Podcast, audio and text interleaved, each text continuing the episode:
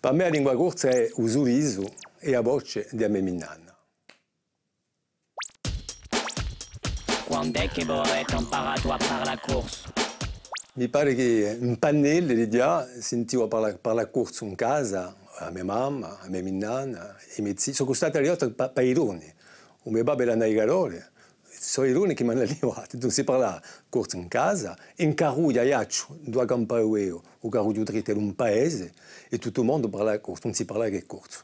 Allora, quando, la questione, quando ho imparato a parlare corso, non sono mica. Sempre, mi pare, si può dire che a mia lingua materna, mia vera lingua materna, imparata da ironi, eh? e poi dopo mia babbo, i miei zii, tutto il mondo parla corso. Bon, si può dire che a nascita, parla, enfin, ha inteso parlare corso. Quando la dublate a lingua corsa? Beh, si può dire che è per via di questa lingua che oggi, oggi sono, diventato giornalista. È importantissimo questo affare. All'epoca, nell'annata 80, si cercava, a grazioni di, di, di, di RCFM, si cercava gente che parli, che parli, parli, parli corso. E dunque ho, ho spostato la mia candidatura e finalmente questa lingua che mi ha aperto un po' uh, uh, un mestiere. E oggi è vero che si è imparato un po' di più, eh, mi tragiate, mi si è mandato ancora informazioni, eccetera, eccetera, eccetera. E oggi eh, ho lavoro in casa, sempre, sempre in casa.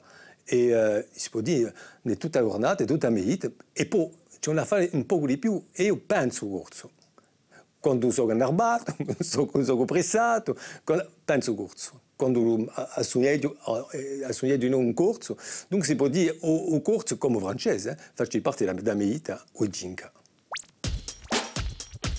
Chi rappresenta per voi la lingua corsa?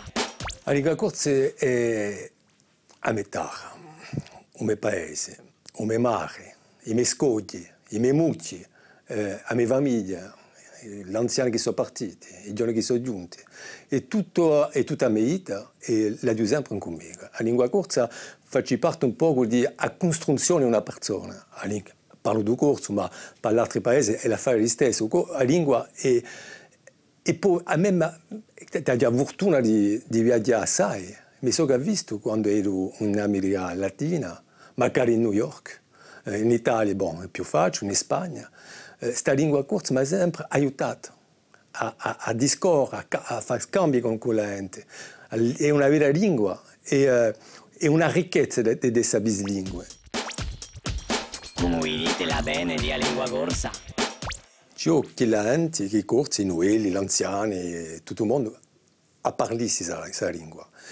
E ci sono di orti a gente, anche l'anziano che dice intanto si parla in casa, la lingua dell'università, dell'università non è più corso, un specie di mischio. No, no, la lingua corsa è moderna e c'è la lingua corsa da. C'è tanto e oggi oggi. E che questa lingua eh, campissi e campissi beh.